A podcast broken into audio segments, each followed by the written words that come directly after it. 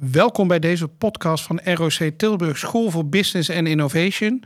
En in deze reeks van de podcast praten wij over de inleiding recht. Nou, dat doe ik niet alleen. En mijn naam is Joost, ik ben een van de docenten. Tegenover mij zit... Uh, Erwin is een van de docenten. Ja, eigenlijk in dit geval de docent uh, voor deze periode. En nou goed, ik ga samen met Joost het hebben over... ja goed, wat is eigenlijk het recht? Wat houdt het in? Welke termen komen we tegen? Het leuke is, ik ben, geef openbaar bestuur. Ik geef eh, publiek, of in ieder geval het, uh, ja, het bestuursrecht en het belastingrecht gedeelte. Dus dit is voor mij ook echt nieuwe informatie. Dus uh, op het moment dat jij iets noemt waar ik van denk, waar heeft die man het over? Dan ram ik op een belletje en dan ga ik jou gewoon een verheldering vragen. Maar de eerste vraag stel je al, wat is eigenlijk recht? Ja, wat is eigenlijk recht? Um, als je gaat kijken, uh, ons recht um, is voor een gedeelte, of voor een heel groot gedeelte eigenlijk, uh, uh, samen te vatten in, in wetten. Eigenlijk wat de overheid voor ons creëert, natuurlijk in samenspraak. Kijk, op het moment dat wij, of dat er een wet gemaakt wordt, is er natuurlijk ook bijvoorbeeld de Tweede Kamer als onze volksvertegenwoordiging, is daar natuurlijk bij betrokken bij een dergelijke wet. die wetten zijn er uh, als een, uh, uh, die hebben een, een, een normatieve functie. Wat is normatief? Wat is normatief? Ja, normatief is, hè, ze stellen, je hoort het al aan het woord, ze stellen een norm. Ze stellen de regel waar wij ons aan moeten houden. -hmm. En ook de sanctie op het moment dat wij ons daar niet aan houden. Hè? Ja. Uh, bijvoorbeeld, uh, om heel, heel, heel extreem, uh, een heel extreem voorbeeld te geven, ik pleeg een moord. Nou goed, ons wetboek van strafrecht zegt, op het moment dat ik een moord pleeg, dus met voorbedachte raden iemand om het leven breng, dan staat er natuurlijk een bepaalde sanctie op, een normering. Ja. Dan weten wij, en, en in principe weten wij dat natuurlijk als, als burger, van dit mogen wij niet doen, dit kunnen wij niet doen. Echter, de overheid voelt zich dan toch gedwongen om op het moment dat het gebeurt, daar een normering, een norm op te stellen van oké, je hebt dit gedaan, dus is dit de consequentie. Ja, dus eigenlijk zeg je nu recht is, zijn de wetten. Ja. Ben ik dan compleet? Uh, absoluut niet. Nee, de, uh, zijn niet alleen maar, het zijn niet alleen maar de wetten. Uh, we kennen ook heel veel in die zin ongeschreven recht, een soort van gewoonterecht. we weten waarom dat iets is zoals het is. En uh, wij houden ons aan die regel. Hm. Hij hoeft niet geschreven te zijn, gewoon ongeschreven. Maar het feit dat wij daar allemaal weet van hebben, dat wij dat allemaal uh, er op een soortgelijke manier over, over denken, uh, hoeft dat niet allemaal in die wet opgenomen te zijn. Het hoeft niet allemaal schriftelijk te zijn. Kun je daar nou een onderverdeling in maken, in, die, in die, al die, dat woud aan regels? Ja, kun je daar nou een onderscheid in maken? Uh, in die zin kun je er een onderscheid in maken. Zoals ik net al, uh, al heb gezegd, van uh, die wetten, dat is de normatieve functie van, van, van het recht. maar we hebben natuurlijk ook een, een, een, een, instrumentele, een, instrumentele functie. in die zin van de, de overheid stelt niet alleen maar normen, maakt niet alleen maar wetten. Maar die zegt bijvoorbeeld ook van. Ehm, gebruikt het als het voorkomen van, van chaos. het voorkomen van wanordelijkheden. om, om alles in goede banen te leiden. Maar bijvoorbeeld ook dat je gaat kijken van dat het een functie heeft van geschiloplossing. Hè? Stel je voor, het komt er tot een conflict, bijvoorbeeld tussen burgers. Hè? Als je kijkt naar het burgerlijk procesrecht, het komt tot een conflict en uiteindelijk moet daar een rechter moet daar iets over vinden op basis van bewijs. Uh, dan is hij uiteindelijk degene die dit geschil gaat oplossen. Dus dan zie je de geschiloplossende functie van, uh, van ons recht. Maar daarnaast ook heb je een aanvullende functie uh, van het recht. En in die zin is een aanvullende functie, is, um, stel je voor, um, wij als burgers ehm, in dit geval juridisch onderlegd. Maar je kunt je ook voorstellen burgers die niet juridisch onderlegd zijn en met elkaar een overeenkomst sluiten en bepaalde dingen daarin vergeten. Dan ga je zien dat het wet optreedt, optreedt als aanvullend. dus die gaat, gaat kijken van oké, jij wist niet helemaal hoe dit in elkaar zat. Je hebt de overeenkomst gesloten, maar je wist toch niet helemaal hoe dat het moest. Je bent bepaalde dingen vergeten. Nu treedt de wet, nu treedt het recht eigenlijk op als aanvulling. nu gaan we dus kijken van wat had je wel moeten regelen of hoe had je het moeten regelen. Dus daarin zie je die verschillende typen, die verschillende functies van het recht naar voren komen. Ja.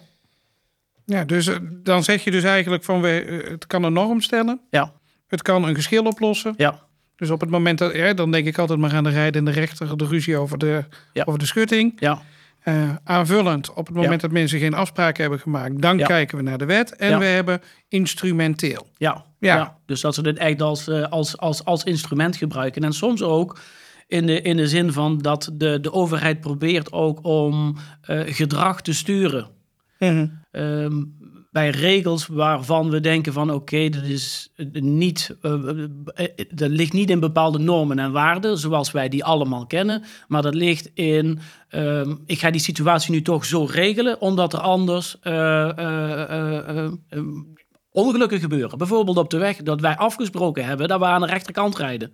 Ja. Dat is eigenlijk een, een, een afspraak die eh, niet past in het stukje normen en waarden, maar die wel past in van, kijk, als we dat niet doen, dan krijg je ongelukken. Want Ja. dan gaat iedereen op die weghelft rijden waarin hij zin heeft. Nou goed, en dan krijg je ongelukken. Dus dat moet je niet willen. Dus dan zegt de overheid, oké, nu ga ik het gedrag ga ik nu sturen. Ik ga het gedrag sturen in die richting. We rijden allemaal rechts. Waarom? Omdat we dit zo afgesproken hebben. Gewoon om een stukje Ja. orde eh, in de Juist. samenleving Ja, te creëren. Ja, ja. Nou heb ik wel eens gehoord over de term rechtsregels. Wa- wat zijn dat? Ehm, nou, rechtsregels. ehm, eh, en, en dat onderscheidje moet je, moet je ook maken. Eh, eh, rechtsregels zijn regels van ons recht, zoals we die ja, hebben opgeschreven, waarin we ook hebben afgesproken dat we ons daaraan houden. En een sanctie op het moment dat wij ons daar niet aan houden. En die staan eigenlijk lijnrecht tegenover regels zoals wij die hier kennen op school. Bijvoorbeeld schoolregels. In principe eh, ehm, kunnen we zeggen van, goed, ook aan die, aan die schoolregels moeten we ons, binnen de school moeten we ons houden. En wellicht kan daar ook een sanctie eh, op staan. Echter niet op wettelijk of op, op, op, op, op het gebied van het recht staat daar een sanctie op. Kijk, hè, eh, eh, echt de rechtsregels, die zien wij terug van, het staat ergens in de wet, er staat iets geschreven van, als wij ons er niet aan houden, wat Ja. dan de consequentie Dus een is. rechtsregel is gewoon de wet. Die vinden Ja. we in die dikke bundels die we Ja, hier op die school hebben. dikke bundels, ja. Ehm, maar daarbuiten hebben we nog allerlei andere rechtsregels. Of andere regels. andere regels, waar we ons ook aan hebben. Hetzelfde als van eh, eh, als, als studenten thuis de afspraak met vader en moeder hebben gemaakt om eh, de, de, de, de vaatwasser eh, op gezette tijden eh, maandag, woensdag en vrijdag uit te ruimen, dan is dat een regel. Maar die kunnen we eh, in die zin. eh, kunnen vader en moeder dat handhaven te zeggen van dat was de afspraak. Maar ze kunnen niet zeggen van nou, dit wordt een proces. Ja. Hè, nu gaan we naar de rechter. Want dit is, dit is namelijk niet in rechten afdwingbaar. Nee, en hoe, hoe dat bij een rechter... Dus een rechter kijkt echt naar de, regel, naar de wet, Ja. eh, rechtsregels. Dus Ja. die kijkt in het wetboek hoe het zit. Eh, andere regels is meer wat je onderling afspreekt. Ja, dat klopt. Precies. Ja. Ehm, nou, we kijken neem ik aan vooral naar de wetten. Want dat is natuurlijk wat we binnen juridisch doen. Hoe, hoe komt zo'n wet nou tot stand? Eh, hoe komt dan zo'n wet tot stand? Eh, je, je ziet dat eh, wetten ofwel, en dat is in het merendeel van de gevallen afkomstig zijn van, van ei- eigenlijk vanuit de regering. Dus eigenlijk een minister doet een, doet een wetsvoorstel. Het kan ook zijn dat die komt vanuit de Tweede Kamer. En die hebben ook de mogelijkheid om wetsvoorstellen in te dienen. Maar in een merendeel van de gevallen komt die van een, van een minister. Omdat een, bepaalde, eh, eh, een bepaald probleem ehm, het een oplossing kan zijn op momenten dat wij dit vorm gaan geven in een wet. En dan zie je eigenlijk een heel wetgevingsproces tot stand komen. Dat begint natuurlijk met, met een bepaald voorstel. En het eindigt uiteindelijk met een publicatie in de, in de staatscourant. Met een ondertekening. En dat is dan een, een, een, een, een, ja, een, een beetje een formele functie die onze koning dan heeft van, om daar zijn pootje onder te zetten. Om daar zijn handtekening onder te zetten. Hè, maar het merendeel van de gevallen, hè, er is een probleem, de minister komt en vervolgens gaat het de, eh, eh, zie je dat de Tweede Kamer daar een rol speelt, speelt de Eerste Kamer daarin een rol. en let op, de Eerste Kamer is wat dat betreft, noemen ze ook wel, kan alleen maar eigenlijk reflecteren. Een Kamer van reflectie wordt het ook wel eens ge- genoemd. Die kunnen zeggen ja of nee. Terwijl de Tweede Kamer kan zeggen bij zo'n eh, wetsvoorstel als hier wordt ingediend van nou... ik ben het hier niet helemaal mee eens. Ik plaats een aantal kanttekeningen. Ik vind de wet op zich prima. Echter, hier en hier moet er uh, iets aan worden Dat aangepast. noemen we het indienen van een motie. Dat noemen we, de- ja, absoluut. Ja, En in een motie doen ze een uitspraak van Ja. dit willen zetten we in de kanttekening. Ze kunnen Ja. ook een amendement indienen. ja, ja. En dan veranderen ze echt de tekst van een wet. Dan, dan, gaan ze, dan gaan ze echt, eh, dan gaan ze echt, dan wordt er echt gepuzzeld. Dus dan, eh, dan, dan, dan wordt die rol, zie je ook van de Tweede Kamer, wordt wat zwaarder. Dus eigenlijk belangrijk te weten, het initiatief komt of uit de Tweede Kamer of een minister. Ja. Die wordt behandeld in de Tweede Kamer. Ja. Als hij daardoor komt in Ja. de Eerste Kamer. Ja. En dan wordt hij gepubliceerd. Ja, ja, absoluut. Ja. Ja. Ja. je ziet, hè, en dat is bij, eh, bij het maken van wetten, is dat, is dat de normale gang van zaken. Je ziet bij een grondwetswijziging, eh, dan, is die, eh, dan is die procedure wat strenger. Hè, want dan krijgen we uiteindelijk ook nieuwe verkiezingen. Mhm. Want die moet door twee verschillende Tweede. Kamers worden Absoluut. vastgesteld. Ja, ja, ja. Waarom is die grondwet dan zo bijzonder? Waarom is het daar anders dan bij andere wetten? Ehm, ja, eigenlijk, je, je, je hoort het al aan, aan eh, de naam grondwet. Daar ligt, daar ligt de basis, daar liggen de, de, de, de, de, als het ware de grondvesten van, van eigenlijk van onze samenleving. Eh, eh, belangrijke zaken geregeld, zoals hè, eh, eh, eerbiediging van, van de manier waarop je wil leven, eh, de manier waarop je je geloof wil beleiden, de manier van eh, dat iedereen moet respecteren van, van wat voor seksuele voorkeur dat je ook hebt, is allemaal daarin vastgelegd. En dat is zo basis, dat is zo belangrijk.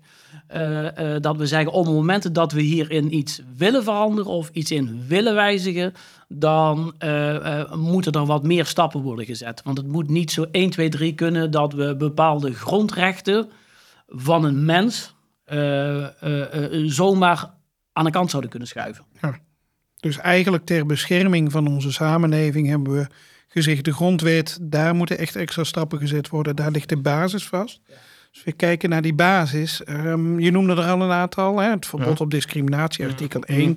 Vrijheid van meningsuiting, Ja, eh, Van- dat soort zaken. vergadering, betoging, allemaal. Ja. Ja, precies. Dat, dat, dat, dat noemen we onze grondrechten. Kun je daar nog een onderscheid in maken? Ehm, ja, je, maakt, eh, je kunt een onderscheidje maken in, in, in, in, in klassieke en in sociale grondrechten. En dan zijn het de, de, de, de, klassieke, de klassieke grondrechten eh, eigenlijk eh, rechten die eh in ieder moet eerbiedigen. Dus als ik een, een bepaalde levensovertuiging heb of een bepaalde geloof heb, moet iedereen dat respecteren. Dat Ja. is mijn geloof. Eh, op het moment dat, ehm, dat de overheid er daarbij komt kijken, dus hè, dat zijn zaken zoals van, nou, je moet het eerbiedigen. Kijk, hier staat hij, dit is mijn recht.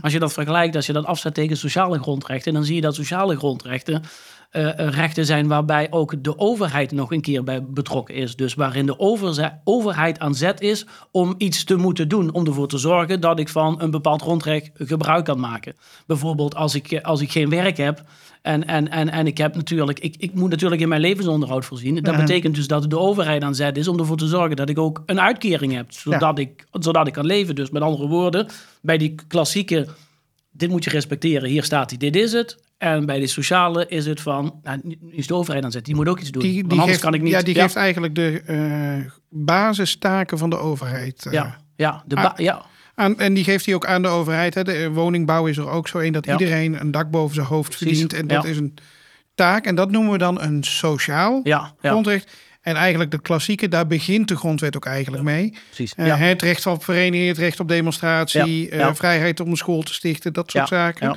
Eh, dus dat onderscheid kun je daar maken. Eh, wat moet een student daar nou van weten voor, voor een examen? Kijk, een hele goede vraag, Joost. Ehm, eh, ik heb het ook al, al meerdere keren ook tijdens, tijdens, de, tijdens de lessen benoemd. Zometeen is het belangrijk voor zo'n examen. Ehm, ehm, kijk, daar kunnen vragen in voorkomen die wat gaan over bepaalde rechten. Voorbeeld wat ik al eh, genoemd heb is, eh, en ik had een casus geschreven waarin eh, onze lieftallige collega Marie-Louise in het groen leidend voorwerp was. En waarin gezegd werd van, nou goed, stel je voor, Marie-Louise woont in Den Haag. En ehm, eh, zij is lid van de, de politieke partij Belang van Nederland. En zij krijgt uh, uh, te horen dat er binnenkort in de Tweede Kamer wordt gestemd over een wetswijziging uh, die zegt dat op het moment dat er een pandemie uitbreekt in Nederland, dat mensen verplicht kunnen worden om zich te laten vaccineren. Um, en nu de vraag van um, Marie-Louise die wil gaan demonstreren voor de deur van de Tweede Kamer om om te voorkomen, of in ieder geval haar zienswijze te laten blijken over dit voornemen. Um, waar in de grondwet is dit recht verankerd? Dus mhm. dat leerlingen, studenten, uh, de wettenbundel erbij moeten pakken en aan moeten geven van waar in hemelsnaam kan ik dit vinden in de grondwet? Ja. Waar staat dit? Waar staat dit recht mm beschreven? Ja. En dan moeten ze dus de grondwet opzoeken. Juist, dan moeten ze de grondwet opzoeken en het ook op een... Kijk, de grondwet valt er dan nog wel mee. Eh, als je iets op moet schrijven, bijvoorbeeld een artikel 8 van de grondwet, dan schrijf je op artikel 8 grondwet. En mag je mhm. grondwet ook nog afkorten. tot GW. Maar op het moment dat we uh, uh, gaan kijken naar uh, andere onderdelen van het recht, bijvoorbeeld naar het, naar het burgerlijk recht, en we gaan kijken in het burgerlijk wetboek, daar ga je zien dat studenten soms nat gaan, omdat ze het artikel niet op een juiste manier opschrijven. Hoe, hoe moet je dat eigenlijk opschrijven? belangrijk te weten, en dat is de basis, op het moment dat jij iets opzoekt in het burgerlijk wetboek, dat je weet van het burgerlijk wetboek bestaat uit verschillende wetboeken, bestaat uit verschillende boeken. Um, als jij bijvoorbeeld een artikel, nou noem maar uh, eentje, uh, uh, 163 van het burgerlijk wetboek, en je moet hebben een artikel uit boek 6, dat je hem opschrijft als artikel 6 dubbele punt, 162, burgerlijk wetboek. Doe je dat namelijk andersom, of zet je er een verkeerd boek neer, dan op het moment dat ik ga zoeken, hè, want het is in dit geval is het, uh, het artikel onrechtmatige daad, en je schrijft boek 5 op of je schrijft er helemaal niks bij, dan kan ik hem niet vinden. Dus, en er zijn verschillende artikelen 163 of 164 of wat dan ook, omdat die staan in verschillende boeken. Dus je moet hem op een juiste manier noteren. En daarom is het belangrijk dat je erachter zet welke wet het is. Juist. Want, ja. want iedere wet kent een artikel 1. Ja. Dus dan kun je duidelijk zeggen antidiscriminatie artikel 1. Maar ja, als ik die opzoek in de AWB, dan kom ik echt bij een bestuursorgaan uit. Ja, precies. Ja, dan dus, kom je dus eigenlijk zeg je daar bij een burgerlijk wetboek eerst het boeknummer. Ja, dubbele punt. Artikelnummer. artikel, juist. En wel, waar je hem gevonden hebt. En dan uh, waar je In dit geval BW. BW. En let op, en dan zit er nog een, nog, een, nog een extraatje aan. Sommige artikelen sommige, heel veel artikelen, kennen naast uh, het artikel ook nog verschillende leden. Ook nog verschillende uh, subleden. Mm En die moet je dan ook op een juiste manier noteren. En hoe noteer je die dan? Nou goed, op het moment dat uh, je bijvoorbeeld moet pakken het tweede lid... en dan misschien ook het sublid G... Uh, stel je voor, uh, het gaat weer over artikel 163 uh, uit boek 3. Had ik het dan schrijf je hem op als boek 3, dus 3, dubbele punt, 162. lid 1 of lid 2 en dan sub G, noem maar op, hè, wat voor sublid het dan ook is. En dan vervolgens BW erachter. Ja, en dan lid met LID. LID, ja. ja. LID, lid. Dan, dan ja. zeg je eigenlijk welk onderdeeltje en welk subdeel. En welk subdeeltje, absoluut. En ook daar sluit je weer af met welke wet. Juist, ja. Precies. Maar als je nu over die wetboeken hebt, hè, je zegt het nu al, ik heb het over burgerlijk wetboek. En ik heb twee boeken. Hoe, waarom heb ik twee wetboeken? Het is toch gewoon één wetboek? Uh, ja, um, op zich en dat, dat zeg ik ook heel vaak tegen de studenten, je moet die uh, boeken niet zien als wetboeken. Het is een wettenbundel. En wat in dit geval Kluwer of de Witte Vermande of welke uh, uitgever dan ook, die heeft het, um, in dit geval onze studenten of de jurist, wat gemakkelijker gemaakt door een aantal wetten die veel worden gebruikt om die even te bundelen. Mhm. En daarmee bundelt hij ze in een, gedeelte privaatrecht en in een gedeelte publiekrecht. En, maar wat is dan publiek en privaat? Uh, het onderscheidje privaatrecht en publiekrecht is dat waar het gaat om het privaatrecht, dan gaat het om, uh, om zaken waarbij betrokken zijn burgers, hè, in dit geval burgers onderling, of uh, een burger en een bedrijf, of een bedrijf en een bedrijf. Eh, dus dan zie je dus echt de, eh, eigenlijk de particulieren. Eh, daarin vind je dus onder andere het burgerlijk wetboek. Eh, vind je dus ehm, eh, eh, eh, zaken die, ja, die jou en mij aangaan. Mhm. Dus op het moment dat er, dat, er, dat, er, dat, er, dat, er, dat er iets gebeurt, dan weet je van, oh wacht eventjes, het gaat dus tussen die personen. Dan weet ik al van waar dat ik moet gaan zoeken. Dus dan kun je de ene bundel wegleggen en dan weet je van, die moet ik in de andere vinden. En vervolgens moet je dan ook nog weten van, hoe is die bundel, dat stukje privaatrecht en dat stukje publiekrecht, hoe is dat dan opgebouwd? Wat staat er dan in? Ja, want publiekrecht is dus tussen burger en burger, burger, bedrijf, bedrijf, bedrijf. Dat is privaatrecht. Ja, dat privaat, Ja, ja. Zo, zie je. Ja. Eh, eh, en dan hebben we publiek. En daarbij is de overheid betrokken. Ja, de, eh, op het moment dat daar de overheid bij betrokken is, dus als het gaat over een burger tegenover de overheid, of een eh, overheid tegenover een bedrijf, of eh, ook overheden onderling, want daar kunnen ook verschillen voorkomen, dan vinden we dat in dat stukje publiekrecht. ja. En wat vind ik nu in welke bundel? Ehm, eh, wat vind ik nu in welke bundel? Nou goed, eh, eh, kijkend naar bijvoorbeeld het burgerlijk wetboek, vind ik in dat stukje privaatrecht. Mhm. Eh, en als ik dan ga kijken van op het moment dat ik bij de, met de overheid een geschilletje heb, en dan moet je denken bijvoorbeeld in de vorm van het, van het strafrecht, ja, dat vind je in het, dat vind je in het publiekrecht. Kijk, en daarbij zit bundel 1 is het privaatrecht. Privaat, ja. En 2 het publiek. Dus mensen die vaak denken, grondwet, dat is de eerste wet, dus ik pak bundel 1, Ja. bladzijde 1. Ja. Ja. die begint echt in bundel 2 eh, terug te komen. Ehm, dan heb je nog, en je zegt het al, hè, eh, burgers onderling. Je hebt een, ook nog een verschil tussen natuurlijke personen en rechtspersonen. Je hebt ook nog een verschil tussen natuurlijke personen en rechtspersonen. Eh, dat verschil tussen natuurlijke personen en rechtspersonen is een natuurlijk persoon. Nou goed, dat zijn mensen van vlees en bloed. Dat zijn wij, mensen. Ehm, dat kun je afzetten tegenover een rechtspersoon. En dan hebben we het over eh, bijvoorbeeld bedrijven, Mhm. eh, eh, organisaties, organen.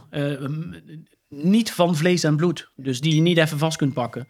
Die zijn natuurlijk wel, of die worden natuurlijk wel vertegenwoordigd door mensen van vlees en Mhm. bloed. Maar op het moment dat ze acteren in het recht, dan acteren ze als een rechtspersoon. Dus zij praten, zij spreken, zij handelen namens de rechtspersoon. En dat kan bijvoorbeeld zijn een BV, dat kan een NV zijn, een, een, een commanditaire vennootschap, eh, iemand- ja, noem maar, ja, maar, ja, maar eigenlijk ook wij als school. Als school, Ehm, absoluut. Ja. Kijk, als student praat je met een docent, maar Ja. de school is ook een eigen organisatie. ja, Die Ja. zelf beslissingen neemt. En die Ja. neemt niet jij of ik als docent, nee, precies. maar ja. die neemt de school. En Ja. als je het er niet mee eens bent, maak je Ja. bezwaar of ga je, proces, ga je proces aan Ja, tegen de, Ja. de organisatie. Ja, ja. Precies. Ehm daar recht, dan, dan, kom ik ook nog iets tegen als rechtsgebieden. Ja, ehm, in het eh, eh, recht ehm, kunnen we globaal verdelen eigenlijk in vijf rechtsgebieden. En dat is eigenlijk de paraplu, is eigenlijk de kapstok waaraan wij ons recht ophangen. Eh, en dan zie je een onderverdeling tussen een stukje burgerlijk recht, een stukje staatsrecht, een stukje bestuursrecht, een stukje strafrecht en een stukje internationaal recht. Dat, zijn eigenlijk, dat is eigenlijk de grote kapstok. Eh, wat studenten soms moeilijk vinden, eh, eh, zeker op het moment dat ze moeten gaan zoeken naar rechtsgebieden, dan zeggen ze van ja, maar ik vind hier ook iets, en dat noemen ze ook een rechtsgebied, dat is het vermogensrecht. Of een rechtsgebied en dat is het, het personen- en familierecht. Dat moet je zien, dat valt onder, hè, als je naar die paraplu kijkt, dat stukje vermogensrecht, dat stukje rechtspersonenrecht ook en een stukje personen- en familierecht, valt eigenlijk onder de grote kapstok burgerlijk recht. Eh, dat, dat vinden studenten soms heel moeilijk om te zien. Want dan zeg ik, er zijn vijf rechtsgebieden. En dan gaat die student zoeken en dan zegt hij van... "Oh, maar ik heb er hier al tien gevonden. Klopt, klopt. Hè, maar eh, eh, net hetzelfde als be- bepaalde wetten... die bepaalde onderverdelingen hebben... zie je dat ook bij die rechtsgebieden. Ja. Dat valt dan onder een grotere noemer. Ja, dus je hebt eigenlijk de, het grote rechtsgebied en dat valt weer onder een paar eh, onder elkaar uiteen. Ja. En hoe, hoe we, ook daar weer, wat, wat moet ik daarvan als student van onthouden? Als ik die vijf onthoud, is dat genoeg? Eh, als je die eh, vijf onthoudt, dat is in dit geval, nou goed, tegen mijn eerstejaarsstudenten zeg ik van dat is voldoende. Tegen mijn tweedejaarsstudenten, hè, en daarvoor nemen we nu deze mooie podcast op. eh, die gaan net iets dieper. Die moeten iets verder gaan. Die moeten nog iets verder, eh, die moeten nog iets verder neuzen. Namelijk op het moment dat zij, hè, laat ik het hebben over het, eh, over het strafrecht, dat zij meteen ook zo meteen gaan zien dat dat strafrecht ook weer die onderverdeling kent. Hè. Ze moeten ook kijken van Oké, ik heb zo meteen een, een wetboek van strafrecht. Ik heb een wetboek van strafvordering. Ik heb binnen dat strafrecht heb ik ook nog heel veel verschillende uh, uh, categorieën, verschillende onderdelen. Bijvoorbeeld wetten waar het gaat over uh, bijvoorbeeld de opiumwet of de wet economische delicten of de wet wapens en munitie. Mm dat zijn allemaal onderverdelingen, dus die moeten ze dan ook gaan zien. En bovendien moeten ze dat onderscheidje ook kunnen maken tussen enerzijds strafrecht en anderzijds strafvordering. En wat is het verschil daartussen? Ja, belangrijk om te weten binnen hè, eh, in die context is dat uh, uh, waar het gaat over strafrecht, dat is eigenlijk het, het materiële gedeelte van het recht. Materieel recht. Ja, materieel recht. Wat is dat? dat is eigenlijk al onze rechten en plichten staan daarin. Mm dus wat mag ik wel, wat mag, met name wat mag ik niet. En wat zijn de consequenties, wat zijn de sancties op het moment dat ik het wel doe? Dus bijvoorbeeld, wetboek van strafrecht kent bijvoorbeeld artikel 310, uh, eh, diefstal. Op het moment dat ik iets van een ander neem, wegneem, um, wat zijn daar dan de consequenties van? Wat is daar de straf die je kan krijgen? Wat is daar de maximale straf die je kan krijgen? Um, dit zet je af tegen, um, uh, en dat is een stukje uh, wetboek van, in dit geval strafvordering. Dus het formele gedeelte, dat gaat namelijk over de procedure. Dus op het moment dat ik me ergens schuldig aan maak, in dat stukje materieel, in dat stukje materieel mm -hmm. recht, um, aan diefstal in dit geval, wat is vervolgens de procedure? Dus ik heb het gedaan, of ik word verdacht van, van diefstal. Hoe verloopt nu die procedure voor de rechter? hoe begint dit? Hoe vangt dit aan? Mm -hmm. En dan ga je ook zien, hè, dan wordt er ook een, een, een onderscheidje gemaakt in burgerlijk recht of strafrecht. En dan komen we dan een klein beetje op een stukje van, van procesrecht, want ook daarin moeten ze een onderscheidje gaan maken. kijk, een, een, een proces in het, in, het, in het burgerlijk recht, die vangt op een hele andere manier aan dan in strafrecht. Hè, de, ook de, de partijen die hebben een hele andere naam. daar moeten we het misschien later nog maar eens over daar hebben. Daar moeten we het zeker later Want het begint mij een beetje te duizelen, maar als ik hem goed ik probeer jou even samen te vatten. Formeel recht gaat over hoe moet het formeel, welke stappen moet ik heel formeel zetten. Ja, ja. En materieel zijn eigenlijk de regels waarin ik moet moeten houden. Precies. Ja. Uh, wat mag wel, wat mag niet. Juist. En wat is de sanctie als ik het, als ik, als ik het doe? Of als ik het niet doe. Ja, precies. Mm -hmm.